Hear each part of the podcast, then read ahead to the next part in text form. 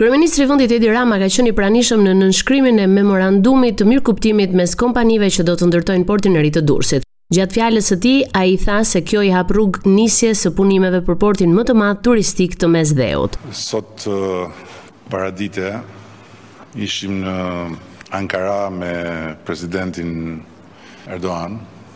Patëm një takim shumë vëllazëror si gjithmonë dhe mm, ai dëshironte që të më mbante pak më shumë, por unë i thashë Kam një arsye shumë të fortë që të kthehem po sot në Shqipëri menjëherë sepse finalizojmë një punë intensive negociatash, diskutimesh, vajtje-ardhjesh, nganjëherë edhe ë si ta them krisjesh në proces me Muhamed Alabarin dhe më në fund që jemi gati të nënshkruajmë protokollin e bashkëpunimit që i hap rrugë ligjit të veçantë për fillimin e investimit për portin më të madh turistik të Mesdheut.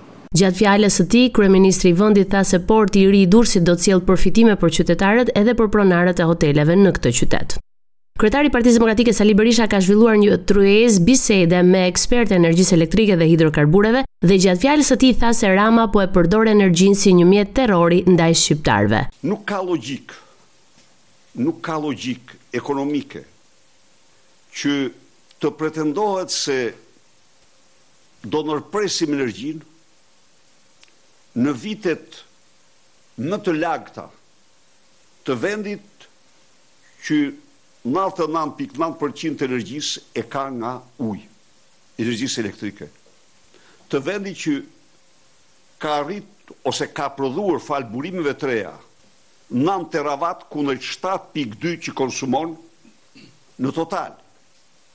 Rritja e çmimit për bizneset shkatërrimtare, hyrja në treg, dalja në treg e sektorit energjetik shqiptar është kryekëput i bazuar në abuzim, keqpërdorim dhe vjedhje.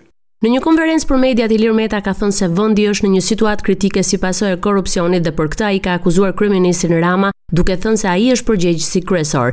Gjatë fjalës së tij Meta është shprehur se mbi gjashtëdhjetë e shtatë për qind e popullsisë shqiptare jetojnë në kufirin e varfërisë me pesë pikë pesë dollarë në ditë. Gjatë fjalës së tij, Ilir Meta ka thënë se situata në vend është katastrofike dhe ka shtuar se është rritur numri i administratës shtetërore. Ndryshimi i ligjit për dekriminalizimin është në fokusin e Partisë Socialiste. Ata kanë shprehur edhe një herë gatishmërinë për të miratuar në shtator ndërhyrjet ligjore për të rishikuar certifikatën e pastërtisë të çdo politikani. Nisma erdhi me kërkesën e Autoritetit për Informimin mbi dokumentet e ish sigurimit të shtetit. Taulant Balla në një postim në rrjetet sociale garantoi po ashtu se Kuvendi i Shqipërisë do të adresojë gjatë sesionit të ri edhe situatën e papranueshme dhe absurde, siç e quan ai, krijuar nga ana e Sali Berishës pas shpalljes non grata dhe nga SHBA-ja dhe nga Mbretëria e Bashkuar. Për rastin e certifikatës së pastërtisë ka të depozituar nga ana e socialistëve prej fundit të korrikut dy nisma ligjore, Balla nuk sqaroi nëse edhe për rastin e politikanëve të shpallur non grata shumica do të ndërmarrë një nismë ligjore për të ndaluar kandidimin apo mbarimin e mandateve, qoftë si të zgjedhur ashtu dhe të emëruarit në poste publike. Gjithashtu mësohet se mes juristëve socialistë është duke u diskutuar ideja që të ketë një amendim të ligjit të dekriminalizimit ku të specifikohen edhe kufizimet për personat e shpallur non grata nga shtete aleate. Debati për dosjet e ish bashkëpunëtorëve është rindezur pasi autoriteti për informimin mbi dokumentet e ish sigurimit të shtetit informoi Kuvendin mbi një e-mail të mbërritur në adresën e tij, ku kërkohej të verifikohej figura e Ilir Metës në dosje të klasifikuara ish sigurimi i shtetit. Por ish presidenti i ka mohuar këto akuza si lojëra politike të Edi Ramës. Rritja e çmimeve të karburanteve kanë sjellë uljen e konsumit të tyre. Tkurrja vijoi edhe për muajin korrik pavarësisht pushimeve, ndërsa të dhënat e ditëve të para të muajit gusht tregojnë se tendenca rënëse është thelluar edhe më shumë. Sipas të dhënave nga doganat, në korrik janë importuar 53400 ton karburante, me një rënie prej 11% në krahasim me të njëjtin muaj të një viti më parë, duke zbritur pothuajse në nivelin e vitit 2020 kur vendi vuante nga pasojat e kufizimeve për shkak të pandemisë, si dhe konsumi i karburanteve u ul në 52000 ton. Sipas shoqërive të hidrokarbureve përgjithësisht në këtë periudhë pritej që importet të rriteshin me 2000 ton, sepse qytetarët shtojnë lëvizjet për arsye të sezonit turistik. por ato kanë rënë realisht me gati 7000 ton. Sipas shoqatës, arsyeja kryesore e rënies së konsumit të karburanteve në vend lidhet me makinat që vijnë nga rajoni për turizëm, të cilët ishin një nga faktorët kryesorë që ndikonin në rritjen e sezonit të verës.